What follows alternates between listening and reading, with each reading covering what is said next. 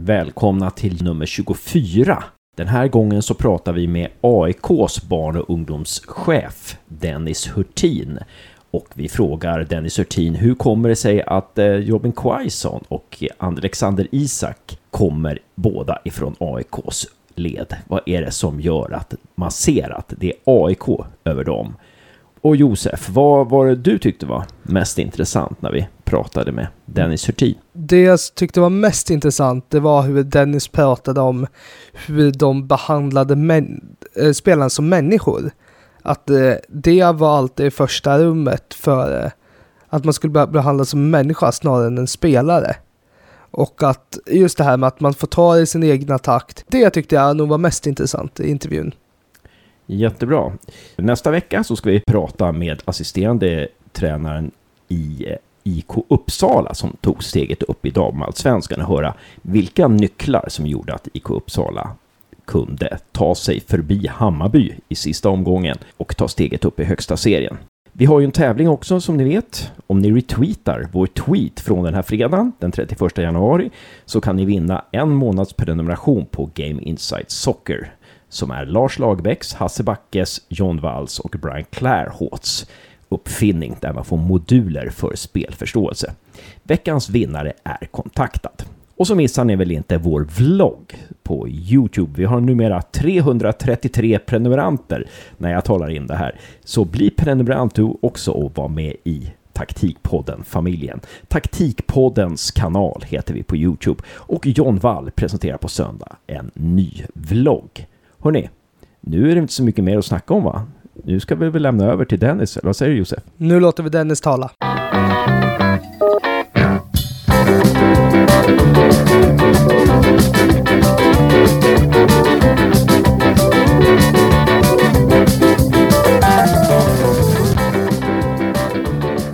Jättekul att få prata med Dennis Hurtin i Taktikpodden.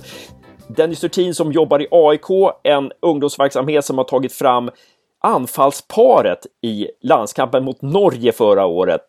Robin Quaison och, Alexa och Alexander Isak kommer ju båda från AIKs led. Och eh, är det en tillfällighet? Ja, vi får se vad, vad, om Dennis Hurtin har någonting att säga om det. Men eh, Dennis, du är chef för barn och ungdomsverksamheten i AIK. Välkommen först och främst! Tack så jättemycket! Kul att vara här! Och är det någonting du vill lägga till till den presentationen? Ba chef för barn och ungdomsverksamheten i AIK, fotboll, någonting mer där? 1500 barn och ungdomar som spelar fotboll i AIK, eh, varav ett par hundra eh, tillhör de respektive akademierna och jag är alltså ansvarig för den verksamheten som inte är akademi. Eh, och så är jag även då ansvarig för en avdelning som heter forskning och utveckling där jag tillsammans med våra fyra utvecklingschefer som vi har i ungdomsfotbollen för resonemang kring eh, organisationsutveckling, spelarutveckling, ledarutveckling. Det ska bli otroligt kul att prata med dig och en som är med och pratar med dig, det är Josef. Välkommen! Tack så mycket! Någon särskild fråga som du skulle vilja ha svar på från Dennis där? Någonting som du tycker skulle vara extra intressant att prata om? Målen eh, och hur de arbetar för att uppnå sina mål på ungdomssidan. Just det. Det, det är bra. Det får, måste, får vi inte glömma bort. Men då, om vi ska börja någonstans, Dennis, vi börjar någonstans så får vi se vart det leder liksom. Ni har ju gått ut ganska kraftigt i AIK under de senaste åren här nu med att ni har flyttat akademiåldern upp från 9 till 13 år. Ni pratar om att man ska utgå ganska mycket från individen. Alla ungdomar befinner sig i olika stadier av utveckling. Ni ska inte titta så mycket linjärt och sådär. Men hur får man ihop det då med elitverksamheten och, och taktisk skolning och sådär? Ja, det är en bra fråga. Jag ska säga så här, vi har alltså egentligen tre huvudpunkter som vi arbetar utifrån. Eh, där punkt ett är barns välmående och inre motivation till att spela fotboll. Eh, och kopplat till det då såklart en lärande miljö som främjar det. Eh, sen har vi våra eh, eller styrdokument från eh, RF, eh, alltså Riksidrottsförbundet, Idrotten vill. Eh, Svenska fotbollsförbundet Spela, lek och lär. FNs barnkonvention och AIK Fotbolls stadgar. Eh, och sen har vi då punkt eh, tre då. Eh, och det är en spelarutvecklingsmål. Det vill säga att vi ska alltså fostra fler och bättre spelare än vad vi har gjort tidigare. Så att för oss så är alltså barns välmående och förståelse för deras utveckling och över en 15 år lång tidsperiod så kommer den förmodligen gå upp och ner och jag tror inte det är särskilt kontroversiellt att säga det för någon som har varit involverad i barn och ungdomsfotboll. Eh, det är alltså till sin natur ganska icke-linjärt och oförutsägbart. Så man behöver alltså ha ett system som är öppet för de olikheterna och där så att säga man kan hantera individer inom snarare än att göra grupperingar inom. Man blandar gärna in individfokuset med att sätta dem i vissa enskilda grupper. Så att, mm, när vi pratar individfokus då behöver vi ett öppet system inom vilket du kan hantera individer. Snarare än att här har vi ett bra lag och här är ett mindre bra lag. Det är grupperingar man gör. Då får du inte riktigt till den individuella så att säga, fokuset som, som det blir. Det blir en grupptillhörighetsfråga snarare än en individuell fråga. Och vi har ju, vi har ju lag alltså från, från 8 års ålder upp till 19 så olika nivåer för enskilda individer finns det inga problem överhuvudtaget att hitta. Däremot så brukar det kanske finnas vissa önskemål hos kanske enskilda föräldrar kanske ibland eller vissa spelare tillhöra en lag eller en grupp med en viss benämning. Men då har det med något helt annat att göra än fotbollsutveckling. Jag undrar om du skulle kunna ta ett exempel på det där med individ... Eh, att man hamnar i individfall istället för eh, grupper. Mm. Alltså så här, barns utveckling är biologisk, psykologisk och social. Ett stort misstag tycker jag man gör när man hanterar exempelvis unga barn. Om vi börjar med 8 till 12 årsspannet kan vi prata där exempelvis. Så pratar man väldigt, väldigt snabbt om någon form av subjektiv fotbollsnivå. Och att det är den hela tiden som blir utgångspunkten snarare att det är individen och människan som blir utgångspunkten. Det vill säga vilka sociala behov har den här spelaren? Vilka psykologiska behov har den här spelaren?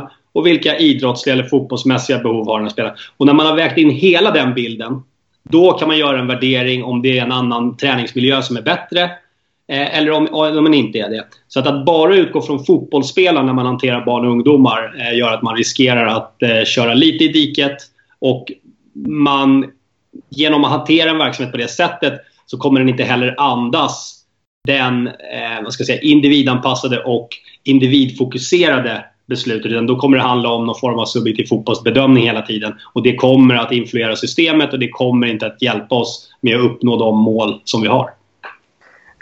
Jag tänker lite då så här att eh, det är barns olika behov man ska utgå ifrån. Ja. Och att eh, som du sa i AIK så har man flera olika nivåer man kan erbjuda. Ja. Beroende på vilken stadie barnet är i. Mm. Men hur skulle det här fungera? Skulle det här fungera om man var en mindre klubb? Till exempel Ljungby. Ja, men där, där, det blir inte samma diskussion i de klubbarna därför att du kan inte ens prata om fotbollsnivå därför att du måste ha kvar spelarna hos dig oavsett. Visst, ibland så är det så att de har två stycken i en viss ålderskull och tre i en annan och, och tio i en tredje. Och så får de spela tillsammans. Så där handlar det inte överhuvudtaget om fotbollsnivå. Där handlar det om att överhuvudtaget få till lag. Eh, och, och, det problemet har vi inte i Stockholm på det sättet. Vi har så pass mycket barn och ungdomar så att vi kan egentligen hantera det ganska slarvigt, om man säger så inom citationstecken, utan att det märks. Och det är det som är en stor problematik. För vi kan se idag exempelvis på våra 19-årsserier, de lokala 19-årsserierna, så tror jag att det var någon serie där vi hade ni, äh, fem, fem lag, nio matcher på en hel säsong i Stockholm. Uh, och då kan man se hur få spelare som är kvar när de är 19 år. Och, och, det är en total katastrof, tyvärr. Men för att hela vägen upp till de är 19 finns det så många spelare så att man kan hantera det ganska slarvigt. Eh, därför att man har så himla mycket av spelarna, tycker man. Eh, men på, som helhet på det systemet så ser man sen utkomsten av det och det är eh, eh skrämmande att se faktiskt. Om vi kommer in på det här med fotbollsmässiga då. När barnen kommer till er då, alltså, det gäller ju att se hela människan, men ni, vi, ni vill ju också fostra dem i en slags fotboll då. Och alltså, finns det, om vi, om vi tar det negativa då, är det några saker man inte ska göra när man lär barn och ungdomar fotboll eh, under de första åren? Är det några ja, någonting man inte bör göra och är det någonting man bör göra? Ja, du ska inte spela bowling på träningarna. Nej. Eh, du, du, alltså, vi, vad vi säger så här att man blir bra på att spela fotboll genom att spela fotboll. Och med spela fotboll menar vi att du har medspelare, motståndare, tid och ytor eh, och en riktning. Det är någon form av utgångspunkt. Så att vill man bli bra på att dribbla runt koner så ska man dribbla runt koner. Och vill man bli bra på att spela fotboll så ska man spela fotboll. Det blir någon form liksom av utgångspunkt som vi har. Sen säger inte det att man inte kan göra konbanor eller liksom göra, bryta loss delar från det. Men utgångspunkten måste ändå vara att vi spelar fotboll. Det finns alldeles för många ungdomslag som ägnar år ut och år in och där tränaren säger ja, sköter ni er på träningen får ni spela sista 15. Sköter ni er på träningen får ni spela sista 10. Alltså, det, det är fotboll vi håller på med. Och liksom inte konbanor med fotboll sista 15 minuterna. Så att vi spelar fotboll och, och, det är det vi försöker göra. Och vi försöker möta individen och vi försöker få spelarna att förstå dynamiken i spelet, alltså spelets principer. Inte någon, spel, inte någon principer för en spelidé någonstans eller koncept och sådana här saker. Utan förstå spelets dynamik och lära sig att navigera det på ett värdefullt sätt. Kan man ta några exempel på vad spelets principer är? Några grundläggande saker som du tycker att man bör lära sig under de första åren i AIKs barn och ungdomssatsning? Ja, det är faktiskt jätteenkelt att med boll, i interaktion med dina lagkamrater, skapa, nyttja, manipulera luckor och ytor för att flytta bollen framåt och försöka göra mål. Och där du inte har bollen försöker du minimera luckor och ytor för motståndarna och försöker återerövra bollen. Eh, det är inte svårare än så. Så att när vi bedriver barn och ungdomsträning så har vi alltså inga tematräningar utan vi tränar utifrån de principerna. Beroende på sen observationen när man ser spelarna eh, ta sig an den här uppgiften så kan man sen utifrån den observation man har gjort manipulera spelet på olika sätt där principerna fortfarande lever men det kanske är mer sannolikt att en viss typ av lösning kommer fram. Och för att göra ett exempel där kan det vara att om vi vill att våra spelare ska kunna se eh, djupledsalternativ, vi tycker inte att det sker tillräckligt ofta, då gör vi planen smal och lång, vilket innebär att de gynnsamma alternativen kommer sannolikt uppstå i djupled. Men det är fortfarande spelarens egen process att identifiera det. Men vi, gör det, vi förenklar att identifiera det för dem genom att designa träningen på ett smart sätt. Så att många tror ju lite illvilligt sådär att ja, vadå kasta ut en boll och bara spela? Nej, absolut inte. Det handlar om en, en, liksom en noggrann observation och en eftertänksam manipulering av övningsdesign helt enkelt. När vi pratade med Jonas Östervall som är akademikoordinator i Dalkurd för några veckor sedan så sa mm. han just det här att det, det, finns en fara med kaosfotboll, att man bara, just som du säger, kastar in en boll och låter lagen få spela. För då blir det de som är starkare och de som är liksom redan kan hävda sig som, som hävdar sig och de andra tycker inte att det är något roligt. Håller du med om det? Ja, precis. Alltså, absolut, det gör jag. Och där är ju alltså, den, den, den vanliga missuppfattningen eh, som finns kring eh, att vi tror att man blir bra på att spela fotboll och spela fotboll. Det är att man inte gör en distinktion på att isolera någonting totalt eller att det ska vara kaosfotboll. Jag menar att det finns en ganska stort utrymme däremellan. Och det utrymmet kan man, eh, kan man utforska genom att behålla principerna för spelet men vara skicklig på hur du skapar regler och hur du skapar förutsättningar för de här, eh, det här liksom fotbollsspelandet. Och då, då kan man liksom för att ett rent självorganisation utan regler kommer ju förmodligen inte bli särskilt gynnsamt. Alltså, men om du kan skapa vissa regler så kommer den självorganisationen ske inom de reglerna. Och då kan du också få gynnsamma beteenden ur, ur det.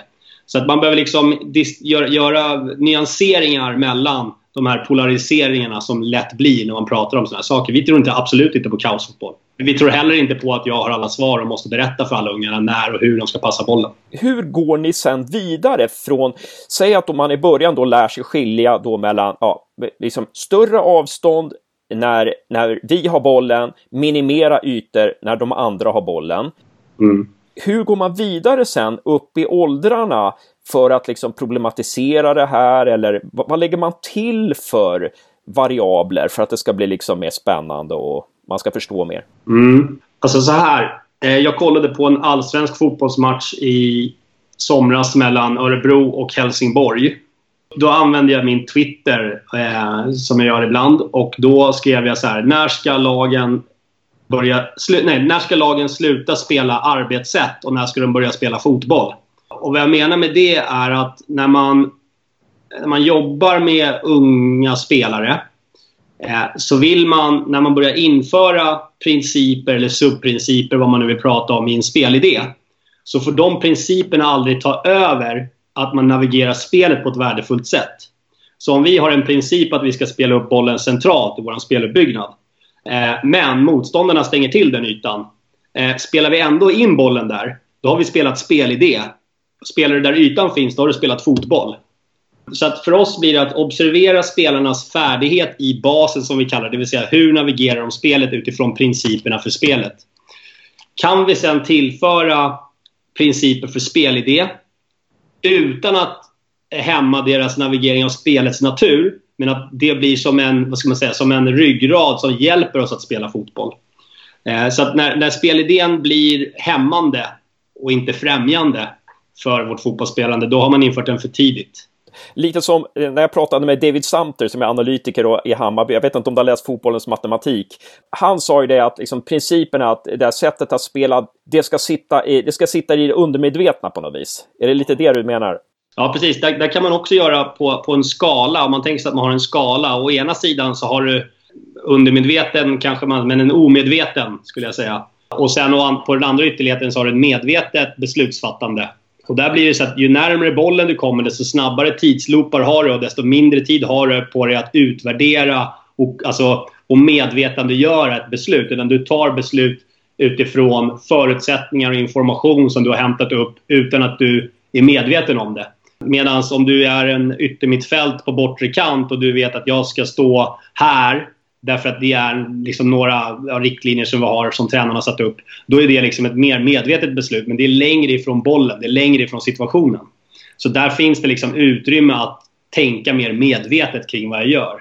Medan att navigera i game center eller liksom runt, runt bollen där tidslooparna är så otroligt snabba så är det snarare så att miljön suger ut beteendet av dig snarare än att du gör beteendet själv och trycker ut det.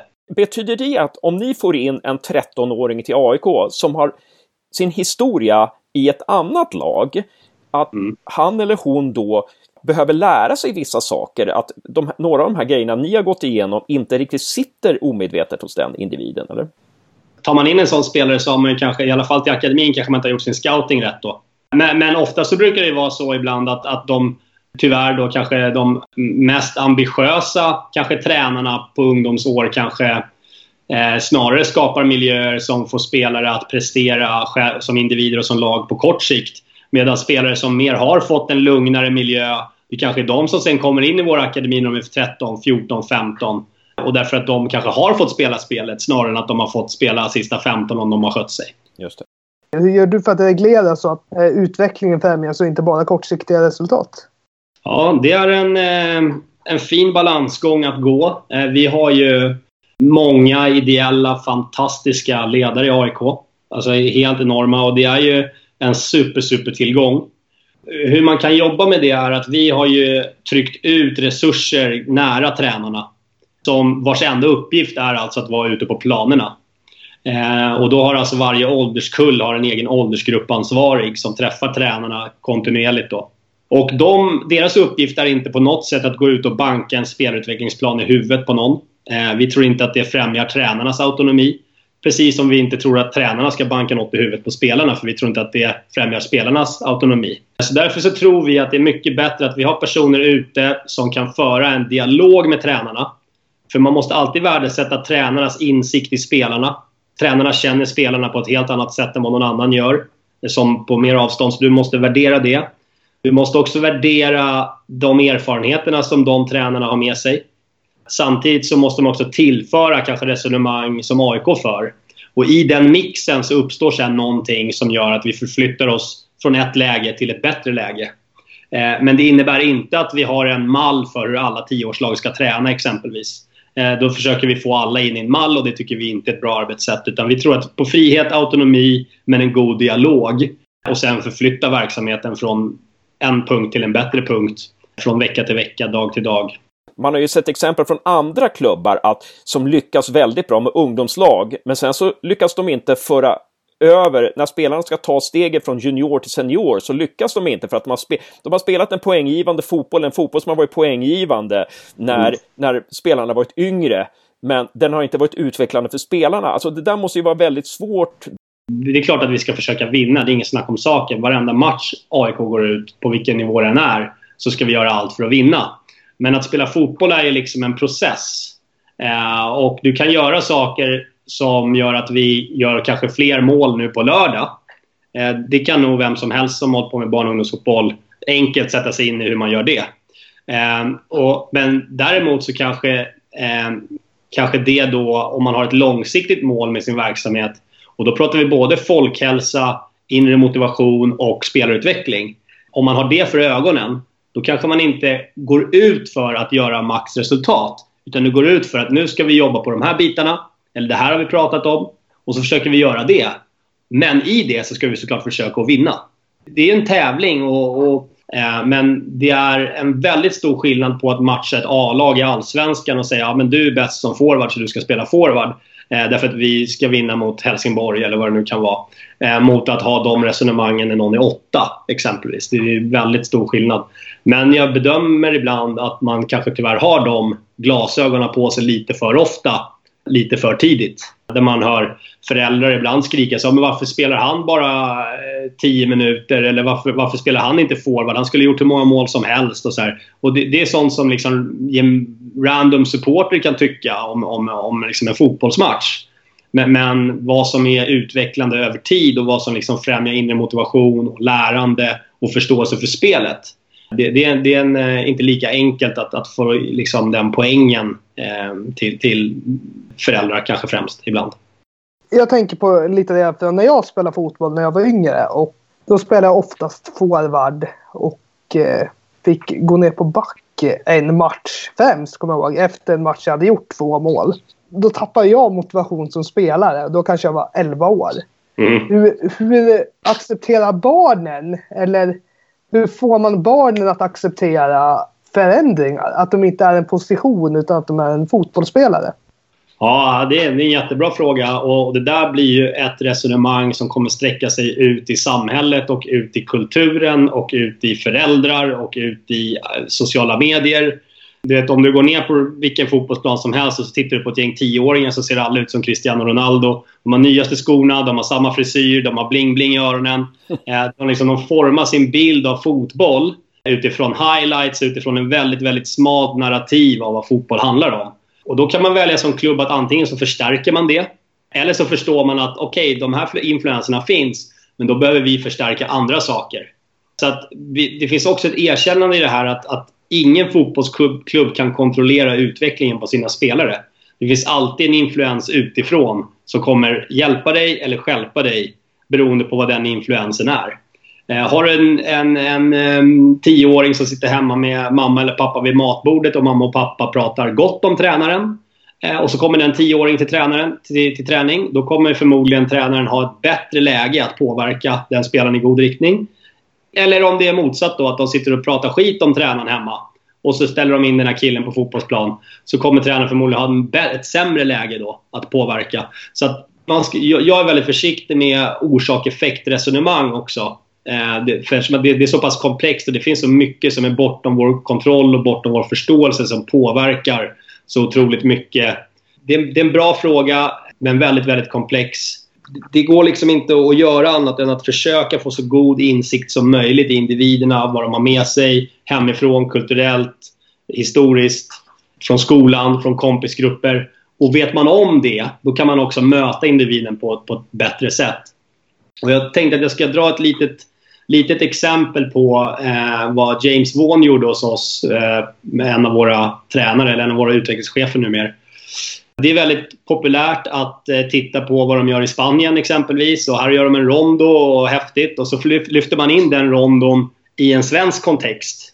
När spanjorerna gjorde det här, deras, hela deras approach till en rondo innebär att det här är någonting vi som håller i bollen ska göra tillsammans för att se till att de i mitten inte vinner bollen.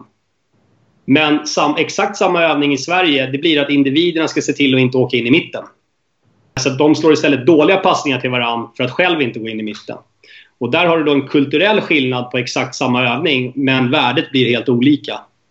Så vad James gjorde då i svensk kontext, det var att han, han satte istället eh, tyngdpunkt på försvarsspelet. Och sa att ja, ni får så här många poäng om ni inte blir genomspelade eller något, något sånt. Och, det skiftade dynamiken till att inte handla om att enskilda spelare ska se bra ut och inte vara den som är i mitten, till att man började samarbeta kring den här regeln. Så att förståelse för kulturell kontext och vad det har för bäring sen på vad man väljer att göra för intervention eh, är super, superviktigt. Så att det här bara att kopiera katalaner eller kopiera brassar och bara föra över det till oss, det, det tror vi inte på överhuvudtaget. Det är komplext som sagt. När vi pratade med Jonas Östervall så sa han så här att han, han var emot det här med att, man, att eh, barn och ungdomar liksom eh, ibland bara kastades mellan från position till position. Han tyckte att man skulle lära, även barn och ungdomar skulle liksom lära sig en position innan man bytte position. Va, vad säger du om det? Att man ska lära sig den kanske i två, två månader någonting. Och, vad säger du om det? Ah, jag vet inte, det kanske rotar sig i någon prestationsidé också där i botten någonstans, kanske på ett sånt resonemang. För att vi, vi pratar om det är skillnad på positionering och positioner. Positionering hör mer till det vi pratade om, principerna för spelet. Hur positionerar jag mig värdefullt utifrån en given situation? Och det kan du göra oavsett om du är forward eller om du börjar spela back. Eller, alltså det, det, det, det lever hela tiden. Kan du göra det på ett värdefullt sätt, då kan du sen gå ut i positioner. Eh, så det är lite samma sak där med principerna för spelidén. Så att vi tror ju att det är mycket bättre att du får en varierad upplevelse, säg 8 12 och du lär dig positionering. När du har lärt dig positionering så kan du sen gå in i position. För att position sitter inom förståelse för positionering. Jag förstår. Och sen ett, ett resonemang där kring liksom om man ska göra det i två månader eller tre veckor eller om man ska ha en position en viss match och inte hålla på och flytta runt. Ja, absolut. Det är klart man kan ha resonemang om det. Men, men jag, jag, vet inte om just två månader är någonting som är liksom någon, någon guldtid eh, på det. Eh, och, och sen kan det ju vara så lite att låter man spelarna spela på en viss position i två månader så får du säkert ett bättre resultat.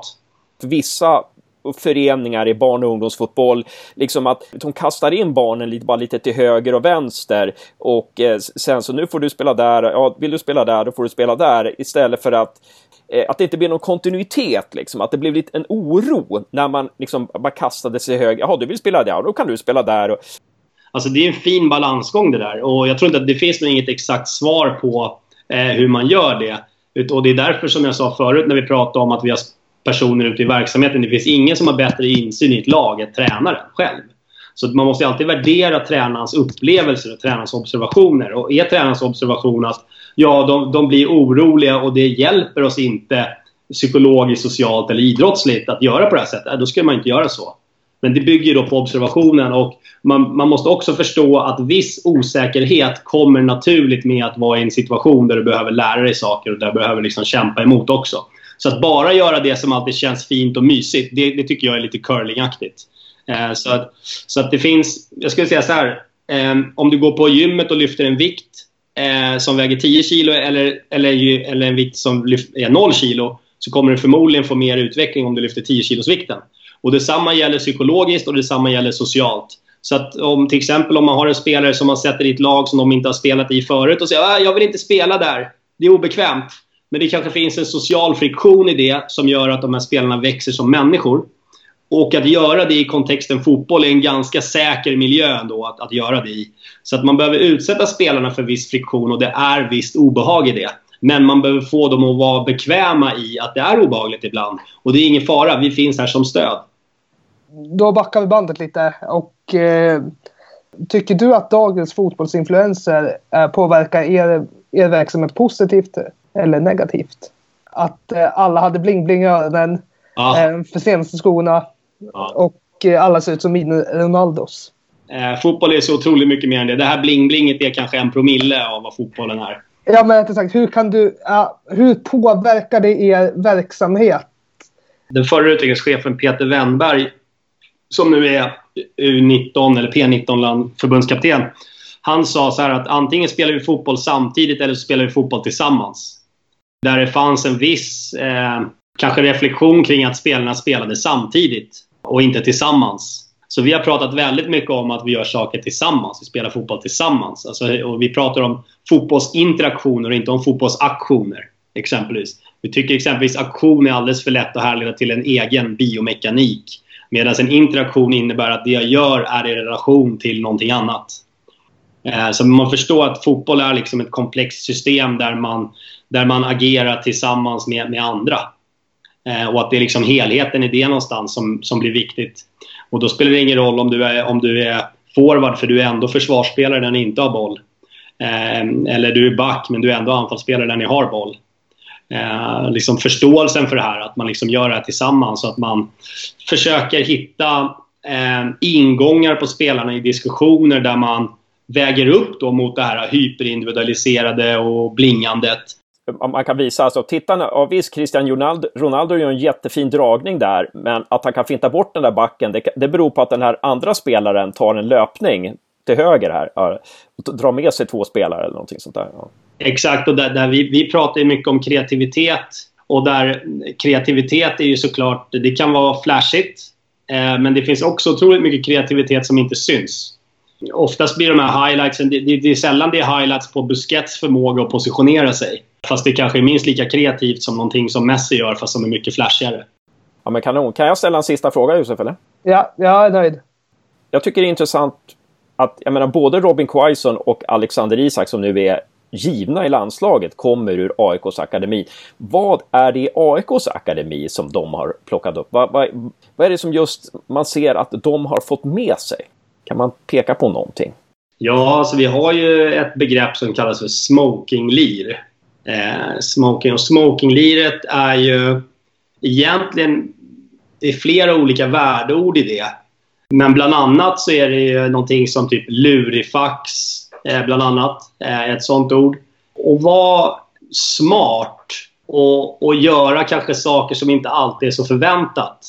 Oavsett om det är en Per Karlsson split glidtackling eh, eller om det är en Ofori glidtackla med utsidetackling eller om det är en Alexander Isak första touch i straffområdet. Så, så är det den typen av liksom mer eh, unika typer av lösningar som spelarna gör.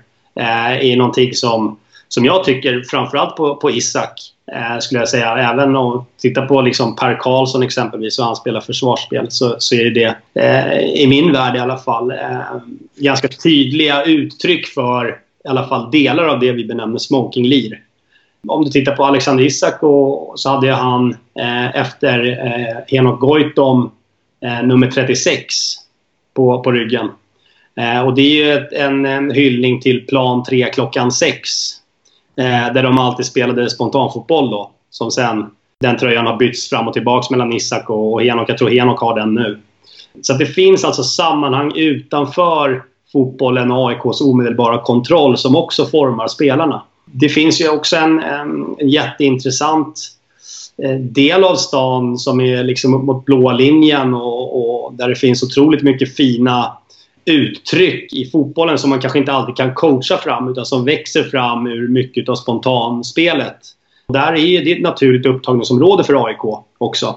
Så att, att vi får fram spelare som, som har vissa exceptionella sätt att röra sig och spela fotboll är nog en, en blandad mix av vad vi gör i klubben och vad som finns runt om klubben. Eh, även Martin Mutumba är såklart en spelare som var mot Gävle när han gjorde två sådana här liksom, eh, klackchippar över någon back där ett par gånger. Och, så, här, så att, och det, det, är sånt som såklart inte vi står och kanske alltid och tränar på i AIK. Men den har förmodligen lekt fram någon annanstans.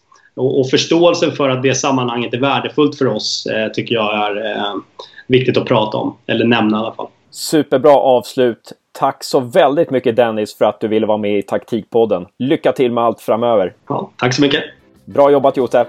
Tack, tack detsamma Hasse och bra jobbat Dennis.